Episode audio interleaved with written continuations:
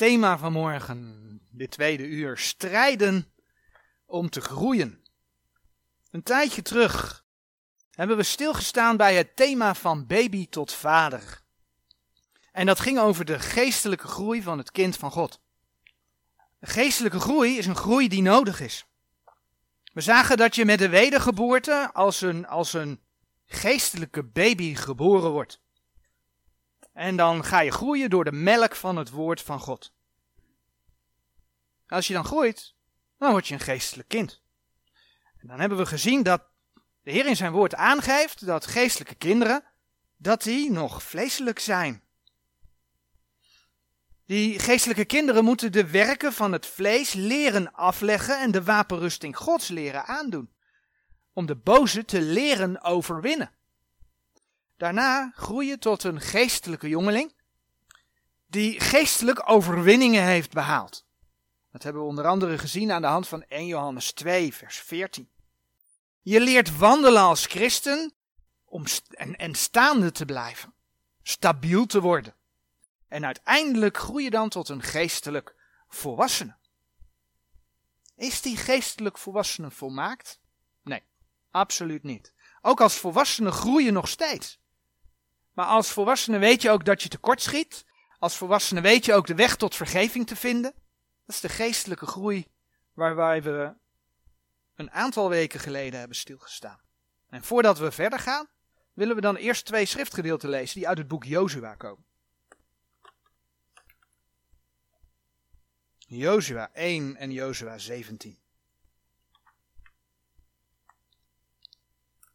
Jozua 1 vanaf vers 1. Het geschiedde nu na de dood van Mozes, de knecht des Heren, dat de Heere tot Jozua, de, de zoon van Nun, Mozes dienaar, sprak, zeggende, Mijn knecht Mozes is gestorven, zo maak u nu op, trek over deze Jordaan, gij en al dit volk, tot het land dat ik hun, de kinderen Israëls, geef. Alle plaats waarop u lieder voedsel treden zal, heb ik u gegeven, gelijk als ik tot Mozes gesproken heb. Van de woestijn en deze Libanon af tot aan de grote rivier, de rivier Fraat, het ganse land der Hethieten, en tot aan de grote zee tegen de ondergang der zon, zal uw lieden landpalen zijn. Niemand zal voor uw aangezicht bestaan al de dagen uws levens. Gelijk als ik met Mozes ben, geweest ben, zal ik met u zijn. Ik zal u niet begeven en zal u niet verlaten. Zijt sterk en heb goede moed, want gij zult dit volk het land erfelijk doen bezitten, dat ik hun vaderen heb gezworen hun te geven. Alleenlijk wees sterk en heb zeer goede moed, dat gij waarneemt te doen naar de ganse wet welke Mozes, mijn knecht, u geboden heeft. Wijk daarvan niet, ter rechter, noch ter linkerhand, opdat gij verstandiglijk handelt, alom waar gij zult gaan. Dat het boek deze wet niet wijken van uw mond, maar overleg het dag en nacht, opdat gij waarneemt te doen naar alles wat daarin geschreven is. Want als dan zult gij uw wegen voorspoedig maken, en als dan zult gij verstandiglijk handelen. Heb ik u niet bevolen? Wees sterk en heb goede moed. Verschrik niet en ontzet u niet, want de Heere uw God is met u alom waar gij heen gaat. En dan nog enkele versen uit Jozua 17.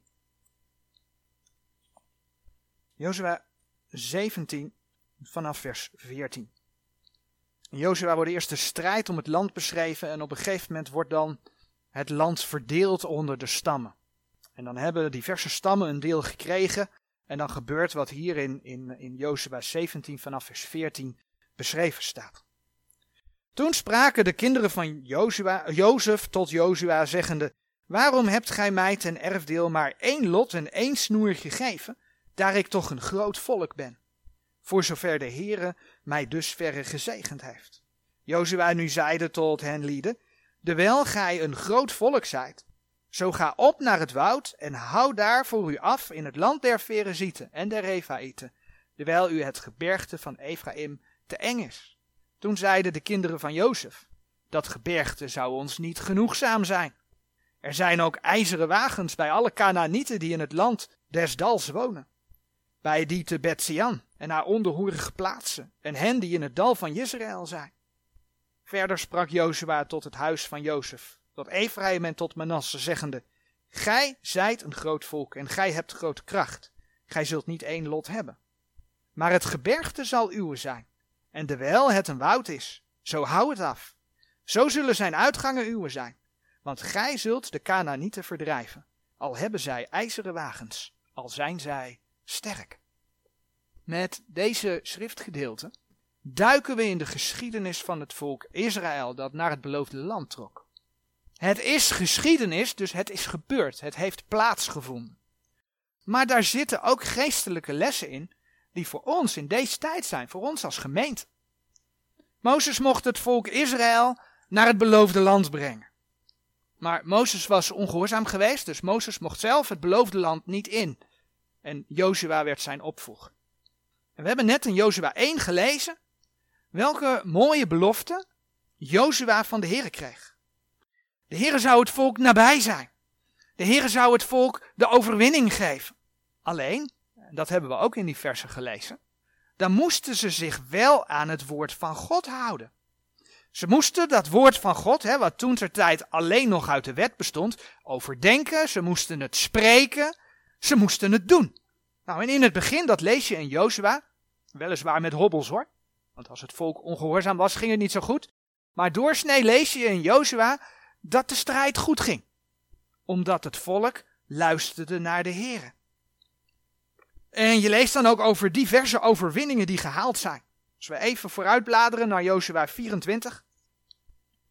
24 vers 31 lezen we dan ook.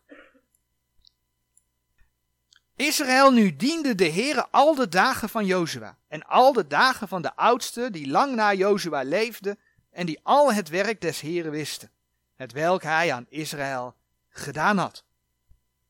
Dus het ging in eerste instantie best goed. Maar we weten ook dat het volk faalde. Op een gegeven moment verdreven ze de volken niet meer. En het leidde ertoe waar de Heer tegen gewaarschuwd had. Het volk ging de afgoden van de volken die er nog waren aanbidden. In Richteren 2, opnieuw een paar bladzijden verder. Richteren 2 vanaf vers 7 lees je het volgende.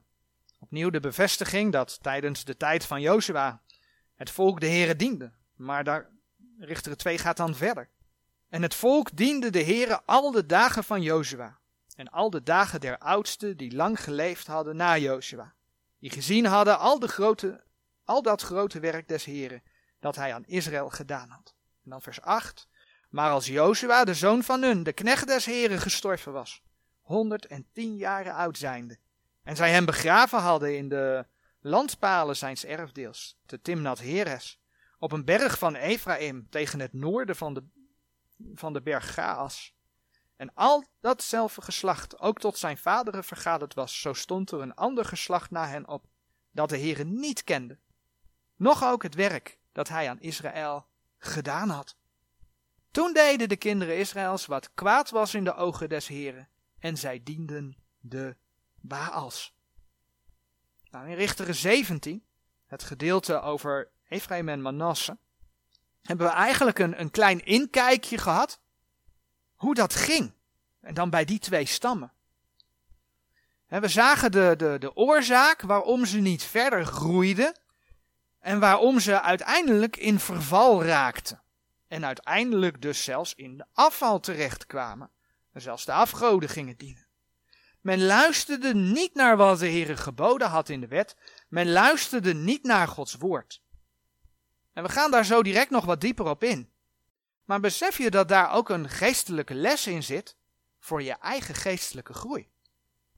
Buiten het feit dat de geschiedenis van het volk Israël gegeven is aan ons om daarvan te leren. Hè? 1 Korinthe 10, vers 6 en 11 zeggen ook dat het is voor ons om te leren, zodat wij niet uh, geneigd zullen zijn tot het kwaad. Dat we geen lust zullen hebben tot het kwaad. Daarnaast zien we dat Jozua zelf vooruitwijst naar de Heer Jezus. Naar de Heer Jezus en zijn tweede komst. Uiteindelijk is het de Heer Jezus die het volk Israël namelijk in het duizendjarig vrederijk in het land zal brengen. Die het volk in zijn rust zal laten ingaan. Nou, en juist in de context van het in zijn rust in te gaan. Dan hou de hand bij Jozua, want dan keren we iedere keer terug. Maar lezen we in Hebreeën. Een mooi vers, dat is Hebreeën 4 vers 8. Hebreeën 4 vers 8. Nou, dat in zijn rust in te gaan, dat geldt zowel voor de gemeente als voor Israël. Dat het zal zijn met zijn tweede komst. Een mooi vers wat dat duidelijk maakt, want voor de gemeente zou je eigenlijk verwachten, is de opname van de gemeente. Daar gaan we de Heer tegemoet. Als je 2 Thessalonicense 1 vers 7 leest, dan lees je dat de Heer dat ook koppelt aan de, aan de tweede komst. En juist daar zien we dan dat de Heer de vergelijking maakt met het volk Israël dat onder Jozua het beloofde land ingaan. En dat zien we dus in Hebreeën 4 vers 8. Want indien Jozua hen in de rust gebracht heeft, zo had hij daarna niet gesproken van een andere dag. Die rust van het beloofde land staat dus voor de rust van het duizendjarig vrederijk. Maar wordt dus door sommigen ook wel vergeleken met de rust van de hemel. De gelovige wordt uit de wereld, uit Egypte getrokken en zijn bestemming is de hemel. Maar dan komt hij. Als je het boek Jozua gaat lezen, dan lees je over een heleboel strijd. Zodra het volk in dat beloofde land is gekomen, moest het strijden.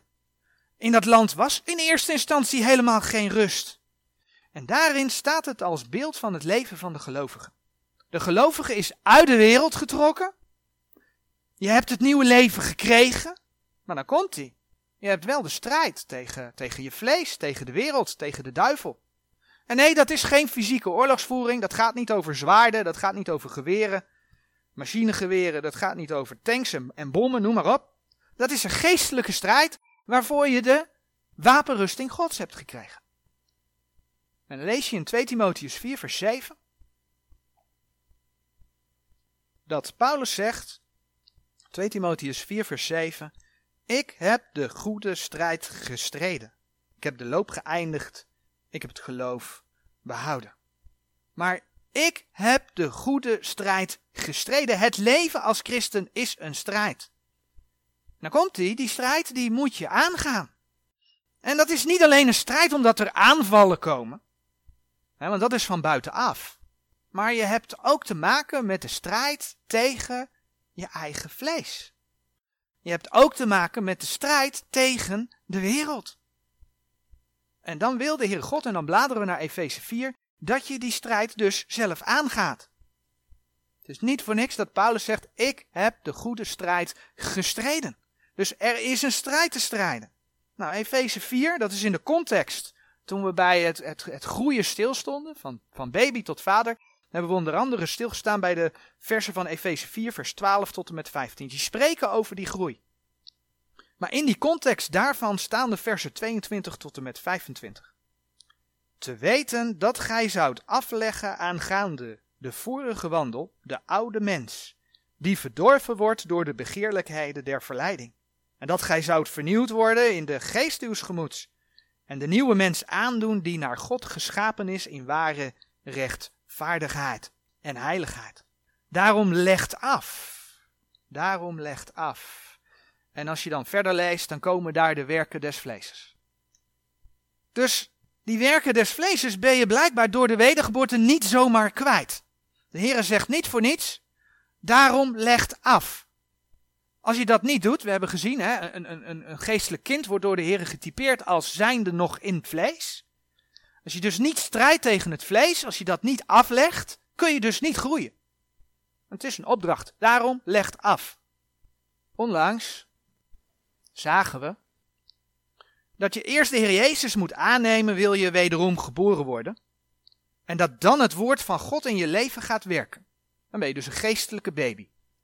Maar als je als geestelijke baby de melk van het woord niet neemt, dan ga je niet groeien. Dan word je dus geen geestelijk kind. Net al genoemd, de Bijbel laat zien dat een geestelijk kind nog vleeselijk is.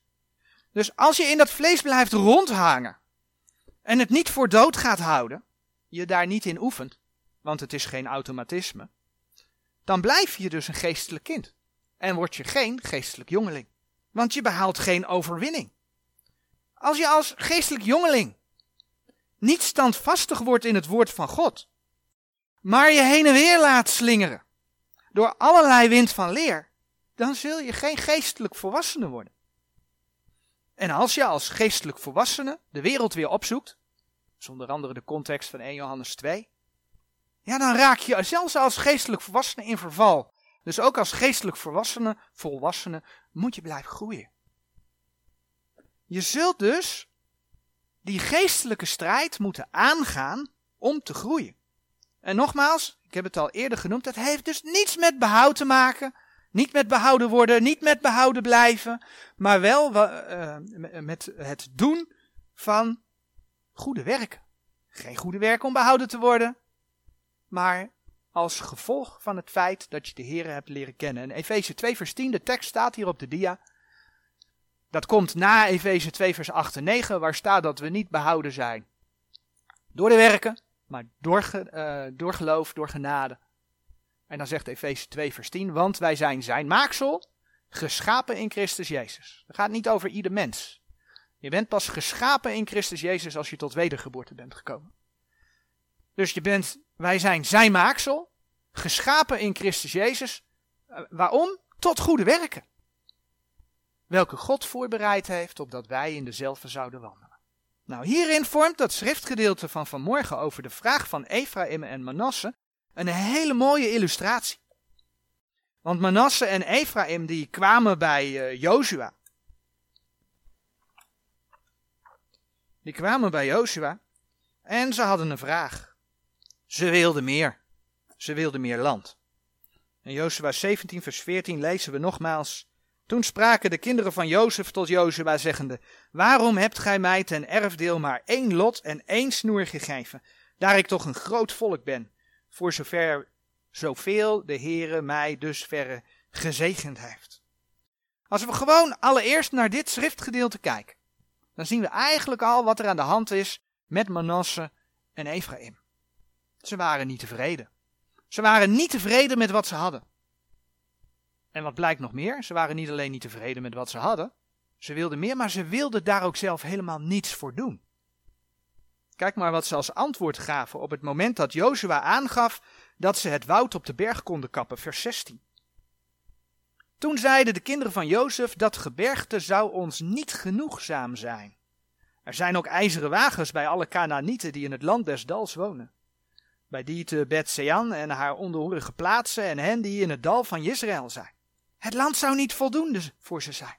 En sterker nog, ze vonden de Canaanieten te sterk. En dan te denken dat ze zoveel voorbeelden hadden, want dat kun je allemaal lezen hè, in Jozua, dat de Heere voor het volk streed. Dat als ze zich aan Gods woord hielden en de strijd ingingen die ze moesten strijden, dat ze dan ook de overwinning kregen. Ze hadden de belofte, Jozua 1 vers 3, dat alle plaats waarop ze hun voeten zouden zetten, dat die hen gegeven zou zijn. Door de Heer. Alleen daar komt hij. Ze moesten wel zelf de stap zetten en op de Heere vertrouwen. Die opdracht aan Jozua, in Jozua 1 vers 9, was dan ook. Heb ik u niet bevolen, wees sterk en heb goede moed. Verschrik niet en ontzet u niet, want de Heere uw God is met u, alom waar gij heen gaat. Nou, op basis van die belofte gaf Jozua aan dat ze hun gebied konden uitbreiden. Alleen dan zouden ze daar dus wel zelf iets voor moeten doen. Ze moesten zelf Gods woord naleven en Gods woord uitvoeren. Nou, in Jozua 17, vers 17 en 18 lezen we dat. Ik lees de versen nog een keer. Verder sprak Jozua tot het huis van Jozef tot Ephraim en tot Manasse, zeggende, Gij zijt een groot volk, en gij hebt grote kracht, gij zult niet één lot hebben. Maar het gebergte zal uwe zijn, en terwijl het een bout is, zo hou het af. Zo zullen zijn uitgangen uwe zijn, want gij zult de niet te verdrijven, al hebben zij ijzeren wagens, en al zijn zij sterk. Nou, wanneer je Joshua en Richteren doorleest, dan weet je dat men niet geluisterd heeft. En dat men het ook gewoon niet gedaan heeft. En daar ligt dus de basis voor het verval en uiteindelijk zelfs voor de afgoderij van Israël in een later stadium. Maar het gaat nog een stapje verder. We hebben net gelezen dat men aangaf dat ze één lot ontvangen hadden. Als je de geschiedenis leest, dan lees je dat elke stam gewoon één lot kreeg. Dus ze gaven aan dat ze maar één lot hadden. En dan moet je bedenken dat Manasse en Ephraim, dat waren allebei zonen van Jozef. En ze hadden allebei een lot gekregen. Dus als zonen van Jozef hadden ze al twee loten. En er komt nog bij dat Manasse, die had al een gebied. Dit is, dit is uh, Manasse, dit is Ephraim op de kaart. Maar Manasse had al ten oosten van de Jordaan ook een gebied. Manasse had ook dit al. Ze hadden eigenlijk al drie gebieden. Ze logen dus omdat ze vonden dat ze niet genoeg hadden. En dan wordt het nog een graadje erger, want als je naar de groottes van de verschillende stammen en hun gebied gaat kijken, dan valt je ook wat op. In het boek Numeri worden twee volkstellingen beschreven. En we nemen even als uitgangspunt Numeri 26. En als je naar die telling kijkt, dan zie je bijvoorbeeld dat Issachar, en, en ik weet niet of het op afstand te lezen is, maar Issachar met 64.300 en Zebulon met 60.500, dat die veel, of veel groter, maar die waren in ieder geval groter dan Manasse met 52.700 in de telling. En wat wil nou het geval? Als je kijkt naar de gebieden die Issachar en Zebulon hebben, ik kan het even op de kaart niet lezen, maar ik dacht dat dit Zebulon was en dat dat Issachar was, anders is het andersom. Die zijn veel kleiner. Terwijl ze meer in de telling veel groter waren, veel kleiner in gebied dan dat Manasse en Ephraim hadden. Voor Ephraim geldt precies hetzelfde. Als je kijkt naar Benjamin, Benjamin eh, had een aantal van 45.600 getelden, ten opzichte van Ephraim 32.500. Maar kijk eens, dit is Ephraim en dit kleine stukje is Benjamin. Benjamin was met meer, maar ze hadden een kleiner gebied. En dan komen ze, u heeft ons maar één lot gegeven en we zijn met zoveel. Manasse en Ephraim leden op ze zachts gezegd aan hoogmoed en trots.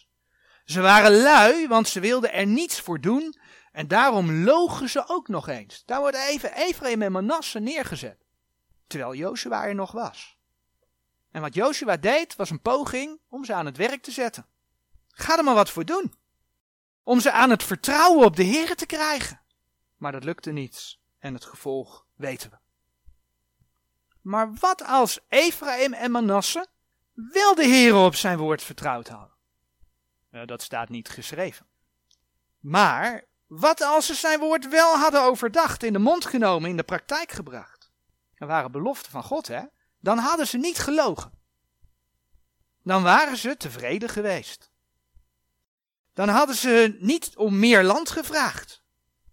Jozua 1 vers 9, dan waren ze sterk geweest en hadden ze goede moed gehad. Ondanks de ijzeren strijdwagens. Want dan hadden ze teruggekeken in de geschiedenis en dan wisten ze, onze God strijdt voor ons. En dan hadden ze de Canaanieten verdreven. Dan hadden ze het land ingenomen. Ook die plekken waar die ijzeren strijdwagens waren. Dan hadden ze in het land gewoond. En dan hadden ze niet de afgoden van de andere volken vereerd. Want dat waren de beloften van God. Maar het volk koos anders. Maar zien we de vergelijking met de gemeentetijd? In onze tijd willen mensen steeds meer. En dat geldt ook voor gelovigen. Dat is begeerte. Laten we in Filippenzen 4 vers 11 kijken. Filippenzen 4 vers 11. Filippenzen 4 vers 11 zegt, niet dat ik dit zeg vanwege gebrek, want ik heb geleerd vergenoegd te zijn in hetgeen ik ben. En als je doorbladert naar 1 Timotheus 6, vers 6. 1 Timotheus 6, vers 6.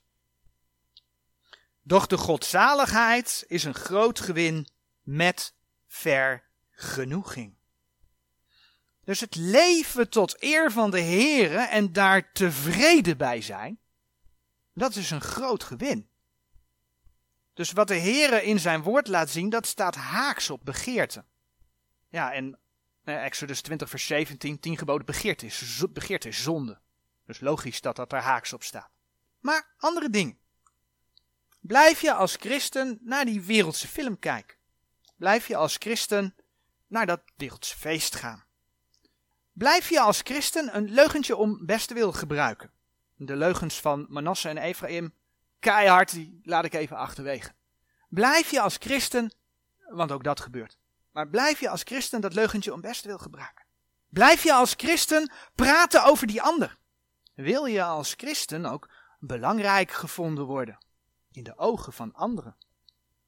Is aanzien belangrijk voor je? Ja, weet je, de Bijbel lezen, daar kom ik de laatste tijd niet zo aan toe. En vandaag komt het eigenlijk ook niet zo uit. Ik heb net een nieuw computerspel. Dat moet ik toch echt even proberen. Bidden? Laten we dat even snel doen. Naar de samenkomst gaan. Ja, jongens, ik was van de week zo druk. Nu even niet. En zo zijn er veel meer dingen te bedenken. Eigenlijk allemaal dingen die, die, ja, die met je vlees te maken hebben. Met het vlees dat, we ooit bij stilstaan, vermaakt wil worden.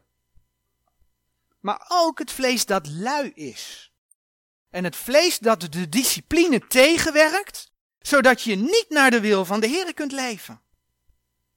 En dan de volgende stap is, vaak zie je dan dat mensen wel iets willen betekenen op het geestelijk vlak. Ze zijn met hun vlees bezig. Dat betekent dus dat ze geestelijk kind zijn. Maar willen dan wel dingen doen die eigenlijk voor geestelijk volwassenen zijn. En als voorbeeld, hè, je ziet dat in diverse traditionele kerken, ik ken daar zelf voorbeelden van. Dat mensen die zomaar ouderling kunnen worden, zijn nooit met de Bijbel bezig. Maar dat willen ze wel. Als we dan aan Ephraim en Manasse denken, die ook meer wilden, dan wordt dat dus niet gedreven door vertrouwen in Gods woord, maar eh, ja, door een vorm van trots. Aanzien willen hebben. En het gevolg, we hadden het over groeien, hè? dat lijntje in die andere plaat was naar boven, deze, deze pijl staat naar beneden. Het gevolg is net als bij Manasse en Ephraim, dat het van kwaad tot erger gaat. Je groei, hè, voor zover die er al, al, al was dan, die komt tot stilstand. Want je kunt niet geestelijk groeien als je je vlees de vrije loop laat. Je bent niet standvastig en je leidt geestelijke verliezen. Als Israël niet naar de Heer luisterde, dan leden ze verliezen. De vijand krijgt de overhand over je. En ja, dat kan als christen ook. Net als bij het volk van Israël. Maar groeien, groeien betekent leren om overwinningen te behalen. Groeien betekent de Heere vertrouwen op zijn woord. En er dan voor gaan. En dat betekent niet dat je iets gaat doen wat niet bij je geestelijke leeftijd hoort, om het dan maar even zo te zeggen. Maar dat betekent dat je sterk bent, dat je goede moed hebt, vertrouwend op de Heer. En daarmee stappen durft te zetten om, en dan komt hij, het oude leven af te leggen. En te gaan leven vanuit het nieuwe leven. En ja, als wederomgeborene heb je alle reden om dat gevecht aan te gaan. Joshua had die belofte, Joshua 1 vers, vers 3, dat alle plaats waarop hun voeten zouden treden, dat de Heere die aan hen gegeven had. Niet zou gaan geven, maar gegeven had. Eigenlijk hadden ze de belofte van de overwinning al te pakken. Maar ze moesten klaarblijkelijk wel zelf stappen zetten. We hebben het ooit eens gehad over positie. Je positie in Christus en je status. Daar zit soms verschil tussen. Dat heeft hier ook mee te maken. Je positie is dat je de overwinning hebt. Maar je status is dat je soms zware verliezen aan het lijden bent. Je bent behouden, maar in het dagelijks leven ziet dat er soms heel anders uit. Zo is het dus ook vandaag. En ik ja, kan het niet te vaak benadrukken, dat heeft dus niet met behoud te maken. Ook niet met behouden blijven, maar wel met je navolging van de Here en het verdienen van loon en kroon. Nou, die teksten over loon en kroon, die staan in 1 Korinthe 3 vers 13 tot en met 15. Dus als je die wil opzoeken, kun je die daar vinden. De Heere heeft je ook vandaag de overwinning gegeven. Als we in Romeinen 8 vers 37 kijken, dan lezen we daar bijvoorbeeld het volgende.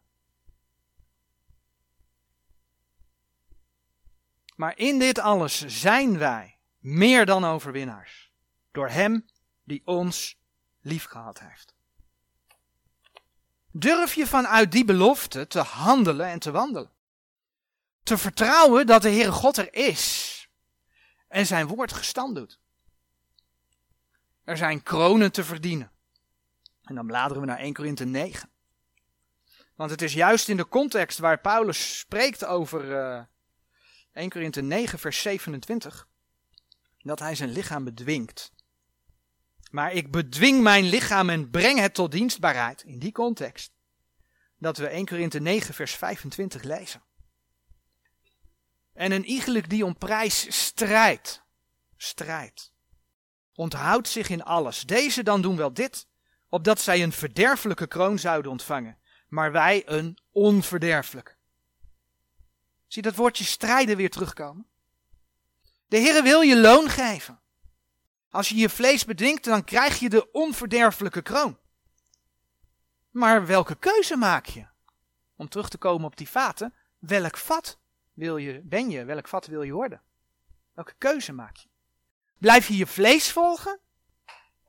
Of kies je voor de Heer, volg je zijn woord? Terug naar Romeinen, Romeinen 12. De Heere wil je zijn wil bekendmaken. In Romeinen 12, vers 2.